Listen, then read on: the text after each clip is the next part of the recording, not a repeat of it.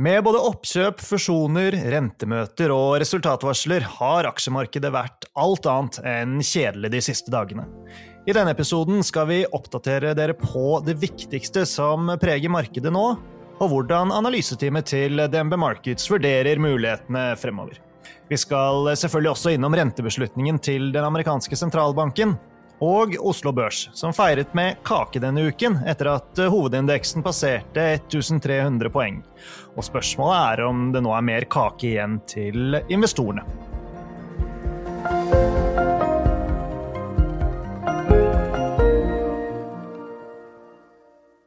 Velkommen til Utbytte, DNB-podkasten der vi forklarer hva som skjer innen globaløkonomien og finansmarkedene.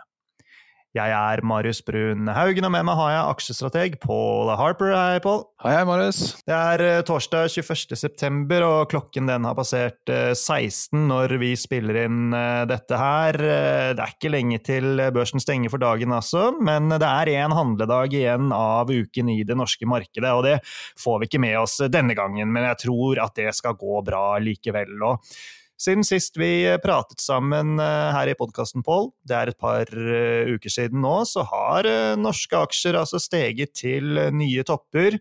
Men også oljeprisen og lange renter har kommet betydelig opp. Så det har vært litt bevegelser, men uten den helt store dramatikken, da, vil jeg si. Ja, jeg tror det er en sånn rimelig grei oppsummering. Oslo Børs uh, har jo gått litt mer flatt denne uken, uh, kan du si, men uh, ganske bra uke uken før der igjen.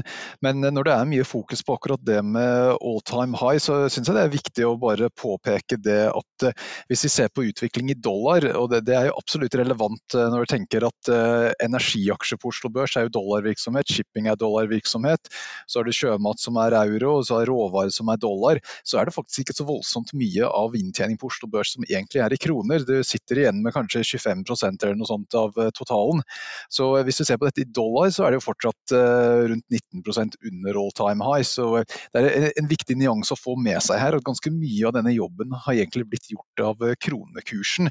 At svakere krone gjør at verdien av inntjeningen i, utlandet da blir, blir, større når man regner det tilbake igjen til kroner. Så det har vært en god periode, men det er noe som eh, da er i hvert fall delvis en, en, valutaeffekt.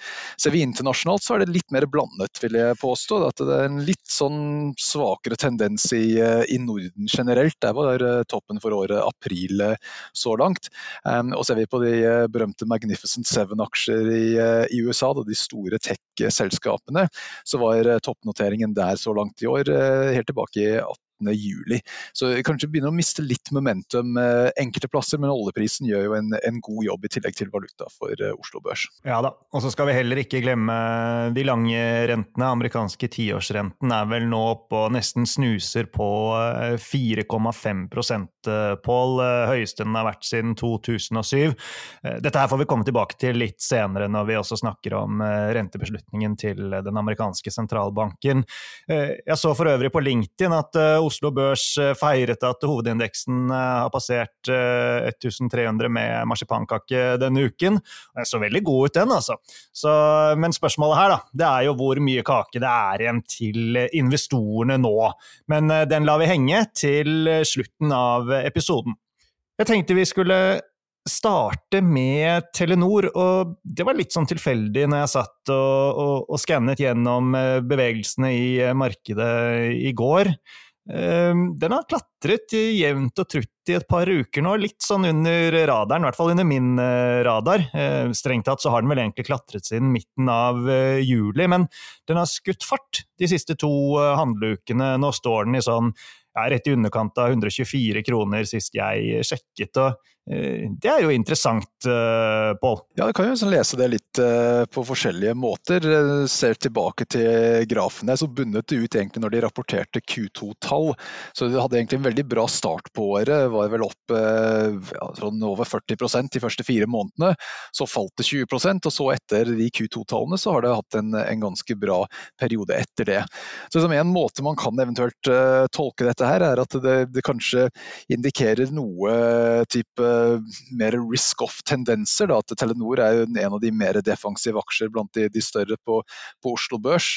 Det at vi ser liksom litt sånn svakhet internasjonalt, eller noe tegn til det, kan jo da også muligens spores i at Telenor gjør det bra. Det blir liksom litt gjemt bak at du har mye innenfor energi har gjort, gjort det ganske bra den, den siste perioden, men det, det, er mulig at det kanskje kan være noe tegn til det. Og så har det jo også vært akkurat denne siste uken her Barclays Capital oppgraderte Telenor til kjøp her for ca. en uke siden. Forresten en tidligere kollega av meg som dekker selskapet der. Og da er jo det alltid noe som hjelper litt da når utlendingen begynner å se på aksjene, så, så kan det bli en kilde til nye kjøpere. Ja, vi har en, eller Analysetimen til DMR Markets har en kjøpsanbefaling på aksjen. Eh, kursmål på 155 eh, kroner.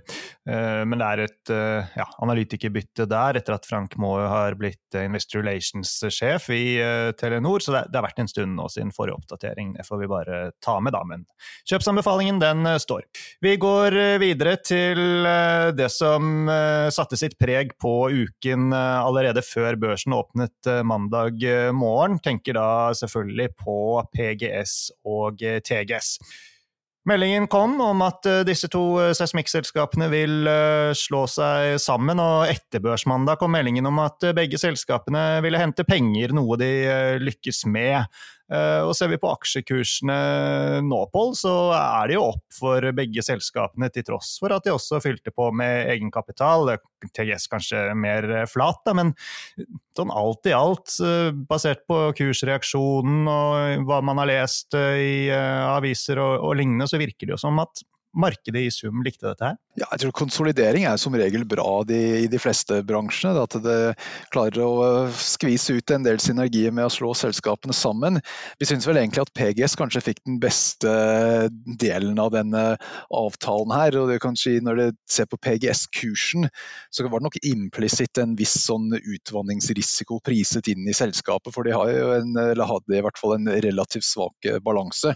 Så det at du slår det sammen da med TGS, som har en veldig sterk balanse, så kan du si at den utvanningsrisikoen blir jo egentlig borte etter eh, denne sammenslåing. Så det, det forklarer delvis at eh, PGS har gjort, gjort det ganske sterkt eh, ut av dette her. Og så syns vi bytteforholdet var kanskje da litt mer i favør PGS enn en TGS. Ser man på det litt sånn større bildet, noe som jeg er litt sånn usikker på her, er at noe av TGS sin suksessoppskrift har vært nettopp det å ikke eie båter. Så at du har liksom ikke absorbert mye kapital med å eie båter som må vedlikeholdes, og da har en kostnad i nedgangsperioder også som gjør at eh, lønnsomheten blir mye, mye mer syklisk. Så eh, det er positiver med dette her, absolutt. Med at eh, du får da kanskje mer effektiv drift med at du slår selskapet sammen, og at det blir en mer konsentrert marked enn en tidligere.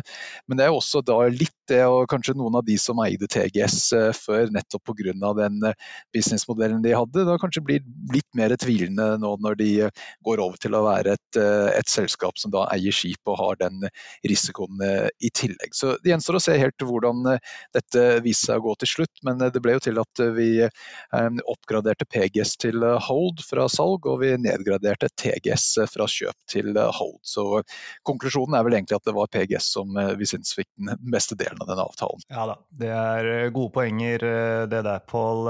Motargumentet til noe av det du sa, det vil vel kanskje være da at tilgang på uh, skip, uh, det er relativt vanskelig nå. Hvis man tror på at man bare er i starten av en litt lenger god syklus for disse selskapene, så, så, gir det enda mer mening å slå seg sammen på den måten de har gjort. Men vi skal ikke ta den. Det noe, kan det bli noe mer triggere her i det korte bildet, eller er eh, hva skal vi si, katta ut av sekken for denne gang? Ja, jeg tror det, kanskje det, det, viktigste som utover selve transaksjonen, er det utvikling i oljeprisen, som eh, vi kan kanskje komme litt eh, mer inn på også etter hvert. Men det er klart oljeprisen har hatt en, en ganske solid oppgang nå i det siste. og Seismic er jo gjerne sett på som en slags early cycle-del av eh, oil service-bransjen, så det er ofte der eh, du kanskje får den størst sensitiviteten til, til til oljeprisen, så får det en sterk oppgang i oljeprisen, så kan det da kanskje trygge litt mer investeringsvilje blant oljeselskapene, og eventuelt kanskje begynne å, å søke etter nye felt, noe som de egentlig har holdt tilbake igjen ganske mye nå i det siste. Så det, det gjenstår litt å se til hvilken grad det egentlig blir noe av eller ikke. For oljeselskapene har jo vært mer i sånn modus med å prøve å få mest ut av det de har funnet allerede. og Det er veldig fokus på det med å holde budsjettene under kontroll så, så godt som mulig. og heller da å, å, prøve å prioritere og eh, gi cash tilbake til, til, aksjonærene. Så Litt sånn tvilen om seismikk er egentlig det stedet som kommer til å få mest ut av eh, denne syklusen, med mindre oljeprisen de kommer enda mer opp og, og blir liggende der. Men uansett så, så, er det jo alltid en fordel for Oil Service at oljeprisene kommer opp, og det gjør det i hvert fall mye lettere for oljeselskapene å, å sørge for at de har solide budsjetter for nettopp bruk av Oil Service-tjenester. Ja, men jeg syns det er helt riktig å påpeke, og det skulle egentlig være neste poenget mitt. Uh, nemlig at uh, oljeprisen gir jo et uh, positivt bakteppe for alt av olje og oljeservice. Den har jo tross alt gått nå fra lave 70 i, i, slutten av juni til midt på 90-tallet, mer eller mindre nå, da, hvis vi ser på frontkontrakten til Nordsjøoljen.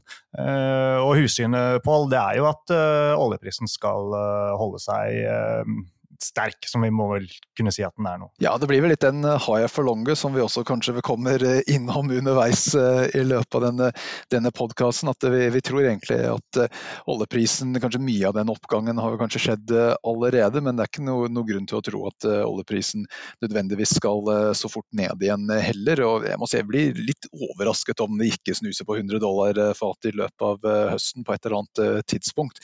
Så det blir litt spennende å se litt hvor hvor, høyt det kan gå. Men så har det også en viss eh, sånn fare da, at går oljeprisen veldig mye veldig fort, så er jo det noe som da også har en negativ effekt på, på økonomien. For eh, høyere oljepris og høyere bensinpriser det blir jo egentlig det samme som en skatteøkning for eh, husholdningene. Så kommer det for fort, da er det en viss fare for at det kan tippe verden inn i en resesjon, og da blir plutselig oljeetterspørselen mye dårligere igjen. Så det er en balansegang som må, må navigeres her. så det, Saudi blant annet, da, som kommet med dette ekstra produksjonskuttet som eh, kanskje den viktigste enkeltfaktoren som forklarer denne oppgangen i, eh, i oljeprisen. De, de, må være forsiktige at de ikke blir for grådige her. For blir, eh, kommer oljeprisen plutselig opp i sånn type 110 pluss der omkring, så er det nok noe mer trussel mot utvikling for økonomien generelt. Og det er da en, en balansegang som de må prøve å, å satse på at de ikke blir for grådige, ellers så kan det eh, ende opp med at det, det slår ut negativt eh, til slutt. Ja. Nei, setter oljeprisen seg over 100, da, da blir det ikke lavere renter med en stund her hjemme, i hvert fall. Men den får vi la ligge. Nå ble jeg litt nysgjerrig. Altså, olje- og oljeserviceaksjene rent sånn i de korte i bildet, eh, hvis man ser på sånne tekniske indikatorer? Er det noe tegn til at det er eh, på oversolgte nivåer nå, eller ser det greit ut? Nei, jeg vil si eh, i de, i de fleste tilfellene her, så, så, har jo egentlig utfordringen kanskje vært det at oljeprisen har sett ganske overkjøpt ut nå siste uken. Har jeg hatt RSI da på, på, godt over 70 nå i, i flere dager. Jeg mente, jeg, mente, jeg mente, selvfølgelig overkjøpt. Ja, det begynte å bli litt, lurt litt på om det var noe jeg hadde ikke fått med meg her. Men, men ja, det er jo nettopp det at en, en liten nedgang nedgang nå de, de neste dagene, eller det, det, vi har sett nå, tror jeg er helt eh, naturlig eh, når du har hatt en eh, såpass sterk utvikling. Når det er såpass overkjøpt, så trenger du gjerne en, en liten pause før du da kan eventuelt få et nytt løft opp mot 100 dollar fatet. Så jeg vil ikke være i det, i det, minste overrasket om det kanskje går en uke eller to hvor oljeprisen holder seg kanskje mellom 90 og 95, liksom bygger opp litt, litt sånn stabilitet igjen, og så eventuelt kan få et, et nytt løft opp. Så vi får se litt. Det, det, er jo sånn at det kan ikke bare gå rett, rett til himmelen. Så det, det at du får en liten pause, blir, blir, ikke noe som er noe stor overraskelse for noen, tror jeg. Nei. Vår uh, energi uh, de overrasket litt. Uh, på den negative siden, kan vi vel si. Kom et resultatvarsel tirsdag denne uken. Kostnadsoverskridelser og nedgradering av produksjonsguiding var kanskje ikke superdramatisk denne gangen, men det første jeg tenkte var dette føyer seg jo inn i rekken rekken av lignende meldinger vi dessverre har fått fra selskapet før? Altså, hva er dine tanker rundt dette? Ja, så jeg kan si det, det, det, var nok heller en liten overraskelse heller enn en stor overraskelse. For det har jo vært uh, flere datapunkter uh, siste halve året med at nå begynner kanskje pendelen å svinge litt mer i favør Oil Service-selskap. At kostnadene stiger. og Det er jo helt naturlig når oljeprisen har kommet såpass mye opp. Så blir det jo ekstremt lønnsomt for oljeselskapene. Og når de har da, unormalt høye marginer, så, så blir det jo til etter hvert at noe av den superprofiten etter hvert drypper ned på oil service-selskapene. Så Det var et av de utfordringene man hadde i sånn 2006-2007-perioden, da oljeprisen gikk til himmels. Men overskuddet til Equinor var egentlig kanskje litt skuffende med at det endte opp med at veldig mye av den oppsiden forsvant inn i marginene til oil service-selskapene. Og Det da ledet til et voldsomt boom i investeringer som si, sektoren er egentlig først eh, nå begynner å komme, komme, opp igjen eh, etter det. Så det er eh, et viktig poeng, tror jeg, at jeg tror for de fleste oljeselskapene nå så kan man begynne å regner med at uh, topplinjen kommer til å bli justert litt oppover, så konsensusanslag for oljeprisen ligger et eller annet sted sånn midt på 80-tallet nå for, uh, for, neste år. Så jeg tror det kan bli oppjusteringer på topplinjen. Men så er det spørsmål om uh, hvor mye overskridelse blir det eventuelt på kostnadssiden, og da hvor, om, om nettoen på bunnlinjen blir større, større inntjening eller, eller, lavere inntjening. Men akkurat i, i vår sitt tilfelle her, så, så, ble det egentlig ikke noe sånn voldsomt dramatikk på estimat resultatene ser vi eh, nå i etterkant, så egentlig ikke noe, noe vesentlige endringer der. Sånn Rent eh, matematisk så skulle aksjekursen ha falt sånn rundt 70 øre på den eh, meldingen. For det er jo sånn at kostnadsoverskrivelse det, det slår ikke så mye, for det har såpass høy skattesats i, i Nordsjøen. Så da er det egentlig si, staten som sitter igjen med, med, mye av regningen når det kommer høyere kostnader. Um, så i dette tilfellet da skulle ha falt 70 øre, falt 50 øre, så ikke noe sånn veldig dramatisk dette her til slutt. Ok, Analystimet har en kjøpsanbefaling og kursmål 37 eh, kroner på uh, vår energi. Nordic Semiconductor og Tieto Evry kom også med negative resultatvarsler.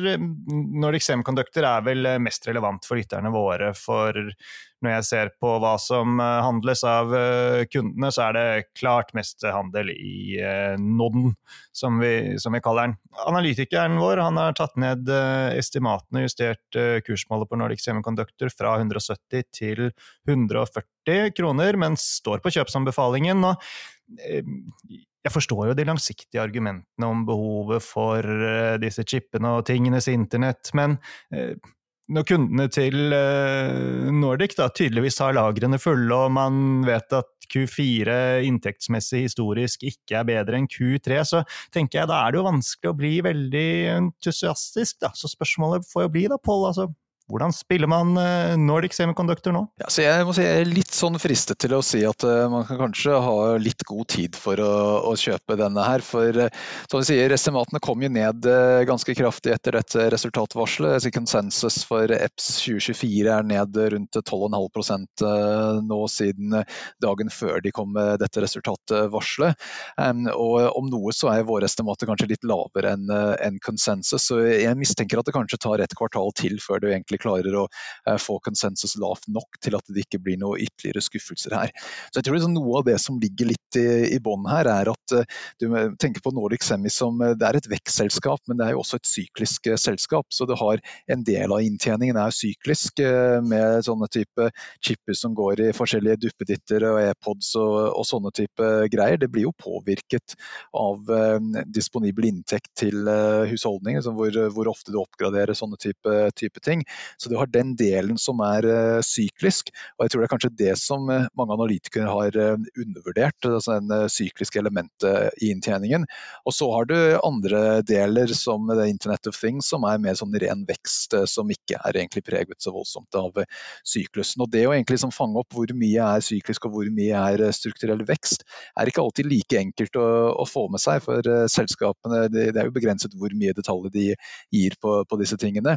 Og det gjør det også også da at det er kanskje noe risiko for at i hvert fall de analytikerne som er mest fremoverlente på, på selskapet, fortsatt kanskje undervurderer litt det sykliske elementet i inntjening, og muligens må en runde til med estimatkutt før vi er helt ferdig med den prosessen.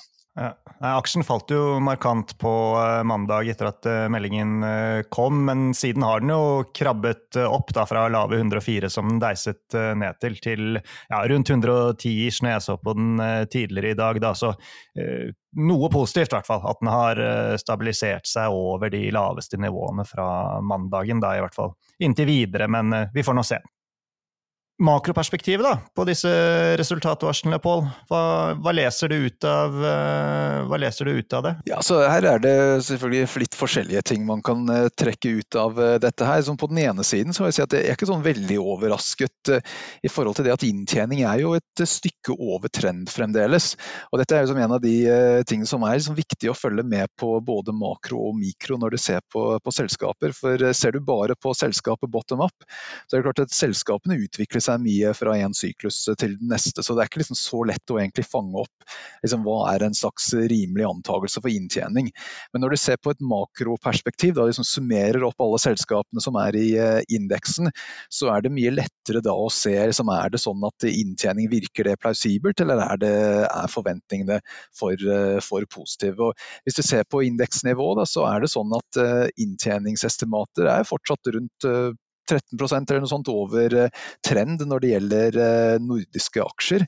Så det Hvis vi skal unngå estimatkutt her, så må du egentlig klare å opprettholde marginer på nivået som er nesten all time high.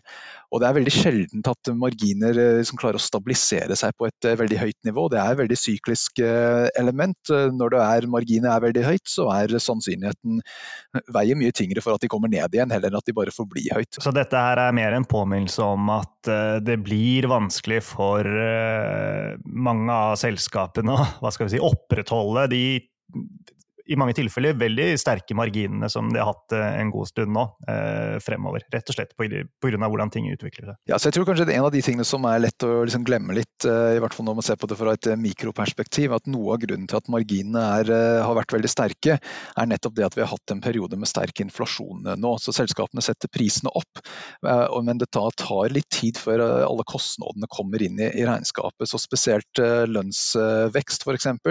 kommer gjerne med et etterslep. at det du, du, setter ikke lønnen opp eh, dagen etter du setter prisen opp. Det kommer gjerne da med årlig lønnsoppgjør. og så type Husleie sånne type ting det blir gjerne indeksert en gang i året. Så det tar litt tid før kostnadene liksom klarer å, å, ta igjen eh, prisutviklingen. Så Først så får du en marginekspansjon, og så får du en nedgang i marginen etter hvert som eh, de kostnadene kommer mer i balanse igjen.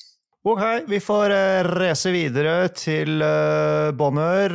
DNB Market startet denne uken dekning på uh, selskapet med en kjøpsanbefaling og et kursmål på 305 kroner per aksje.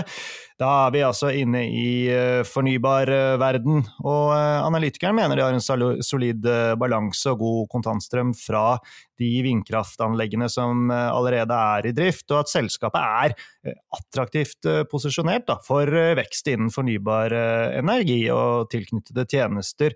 Og når det kommer til prisingen, så ser eh, Helene, som dekker aksjen, at eh, i motsetning til andre nordiske aktører innen fornybar energi, som handles med en premie, så verdsettes selskapet på dagens kurs med en rabatt i forhold til det som er hennes estimat da, for netto underliggende verdi av eiendelene.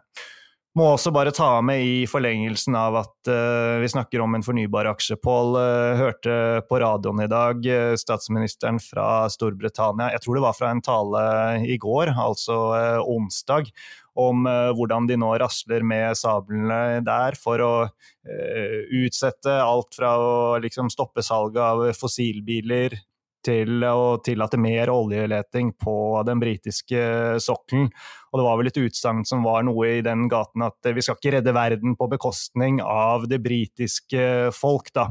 Så, så, og, og, det er jo ikke så rart at uh, alt dette rundt uh, fornybar uh, At det blir stilt mer spørsmål med det nå, når tidene blir tøffere for folk flest. og jeg vil jo bare tro at uh, dette her kommer vi til å høre mer av uh, fremover. Og så får vi bare poengtere, da, så vidt jeg har forstått, så, så er ikke det konkret handling ennå fra Storbritannia sin side. da. Uh, men men ordene er det. Ja, jeg tror det kanskje er en av de viktigste tingene som har liksom utviklet seg i løpet av det siste året rundt eh, alt med grønn energi. At etter hvert som kostnadene blir mer synlige, og etter hvert som en del av de mer praktiske utfordringene kommer eh, frem i lyset, så, så blir eh, hele debatten mye mer nyansert. Jeg tror de, de, fleste kan nok være enige om at det er behov for veldig mye mer grønn energi av alle mulige varianter. Men så er det sånne praktiske ting med å, å sørge for at du klarer å få den energien energien der det trengs. Og, og eh, det å, å, frakte det og hva du har av eh, strømkabler, er det bra nok? Det er, det, er, så veldig mye annet som følger med. Og det er eh, veldig stort behov da, for alt mulig rart av råvarer til å gjennomføre dette grønne skiftet. At det er veldig mye praktiske elementer som kanskje har blitt litt oversett, spesielt blant politikere som kommer med mål uten at de egentlig har kanskje gått helt sånn grundig til verks til å prøve å beregne helt hvordan man skal nå disse målene målene. Neida. Og så er det dette her at når det går utover uh, en selv, da blir ting litt uh, annerledes. Sånn er det bare. Men ok, vi får la det uh, ligge. videre til det som vel var en gladnyhet.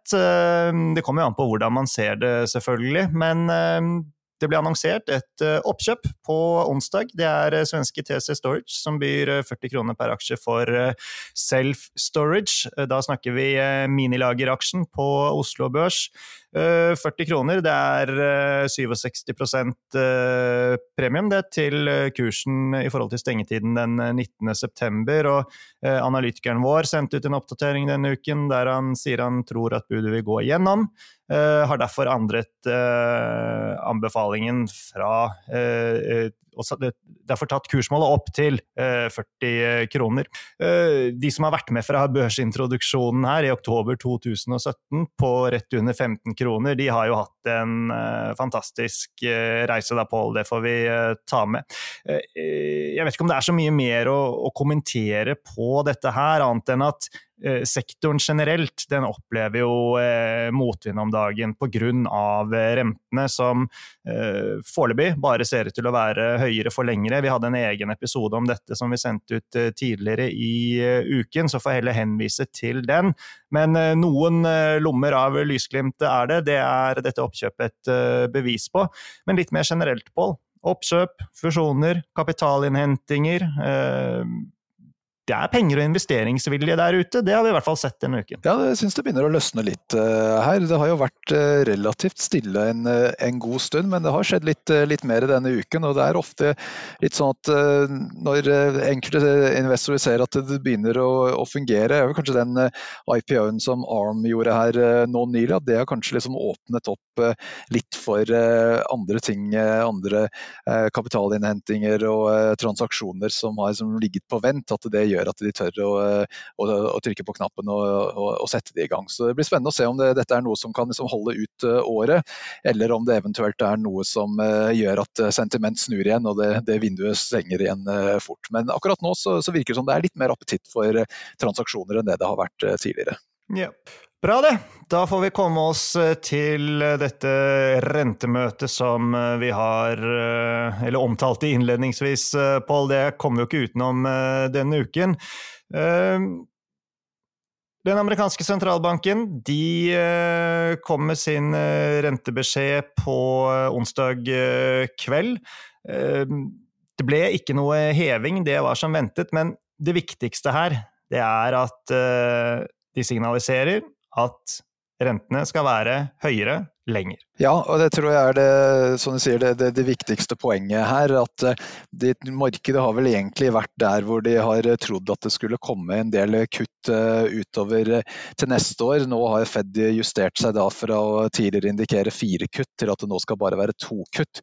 Og dette er noe som jeg oppfatter igjen mange kanskje ikke har tenkt sånn helt grundig nok igjennom. At de tenker at når man begynner å nærme seg toppen for rentesyklusen, da skal også treasury yields, altså tiårsrenten, da skal skal det også toppe ut.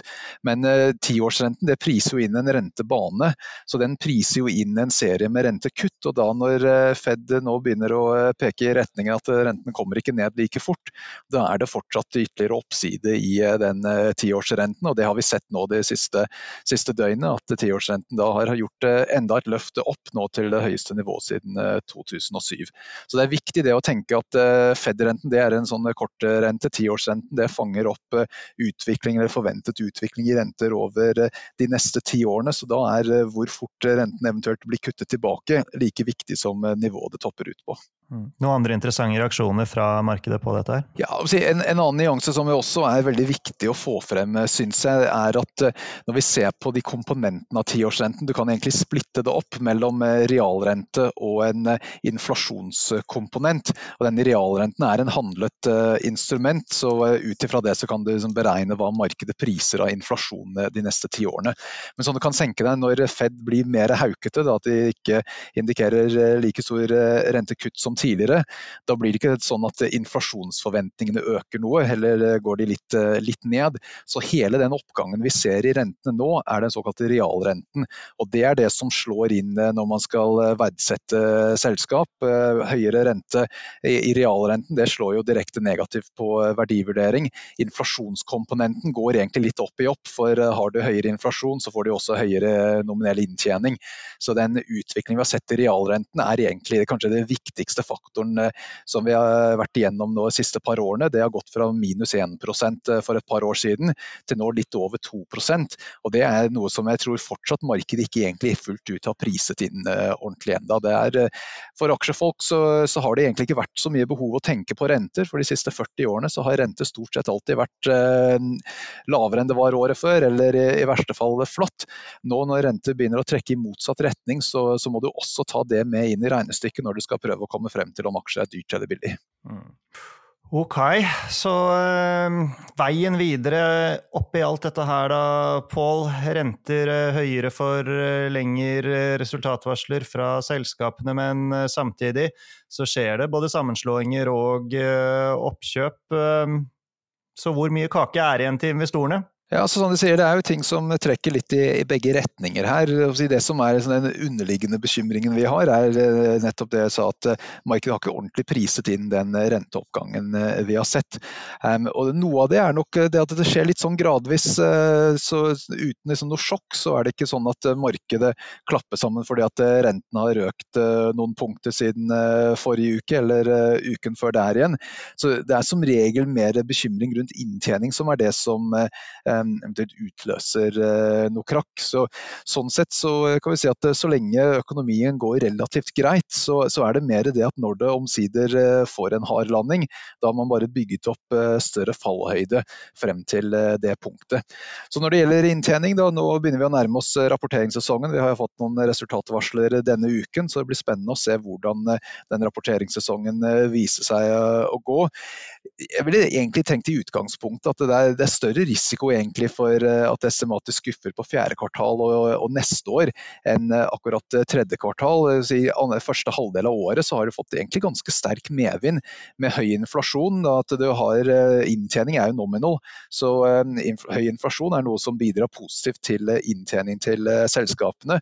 Og makro har jo vært mye bedre enn ventet første seks månedene på året. Nå har det liksom blitt ikke like sterk medvind som i første halvdel av året, men det er ikke noe motvind egentlig å, å spore enda.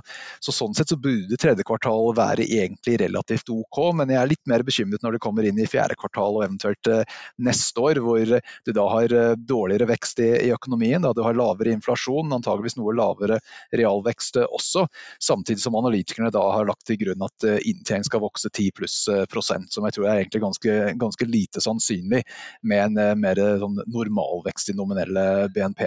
Så Der syns jeg den trusselen liksom gradvis øker. Jeg er ikke sånn veldig sikker på at det nødvendigvis blir en trigger akkurat denne rapporteringssesongen. Men vi ser kanskje noe tegn til at det er enkelte selskap som begynner å merke det litt allerede nå. Ok, eh, Pål. Veldig bra, det. Det får bli uh, siste ord. Jeg får bare ta med helt på tampen at uh, mens vi har pratet, så har markedet rukket å stenge. Det har også akkurat kommet en melding når jeg sitter her klokken 16.39 torsdag 21.9 om at det er en transaksjon på gang i vår energi, der bl.a.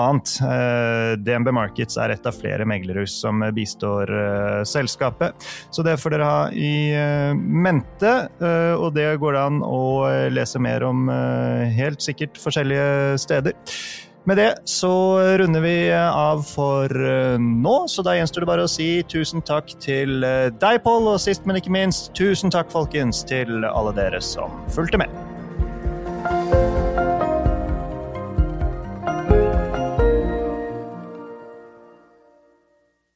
Denne sendingen ble publisert i podkasten Utbytte. Innholdet i sendingen er å anse som markedsføringsmateriale fra DNB og er ment å være generell spareveiledning. Sendingen skal ikke oppfattes som et tilbud om å kjøpe eller selge finansielle instrumenter, eller som investeringsrådgivning tilpasset den enkelte investors situasjon. En investor som har behov for råd eller har spørsmål og informasjon som gis, bør kontakte en finansrådgiver. DNB påtar seg ikke noe ansvar verken for direkte eller indirekte tap som følge av innholdet i sendingen legges til grunn for eventuelle investeringsbeslutninger. Husk at historisk avkastning aldri er noe garanti for fremtidig avkastning. Avkastningen kan bli negativ som følge av kurstap. Bruk av prognoser for å beregne fremtidig avkastning er heller ingen garanti for fremtidig avkastning. Innholdet i sendingen bygger på informasjon fra offentlig tilgjengelige kilder som DNB ser på som pålitelige, men som ikke er uavhengig verifisert. Følgelig gir DNB ingen garanti i forhold til nøyaktighet og fullstendighet. Alle uttalelser her reflekterer DNBs, den enkelte ansatte, eller andre tredjeparts vurderinger på tidspunktet for den aktuelle sendingen, og kan i ettertid endres uten nærmere beskjed. Ytterligere informasjon om bl.a. kildebruk og interessekonflikter er tilgjengelig på dnb.no skråstrek invest disclaimer.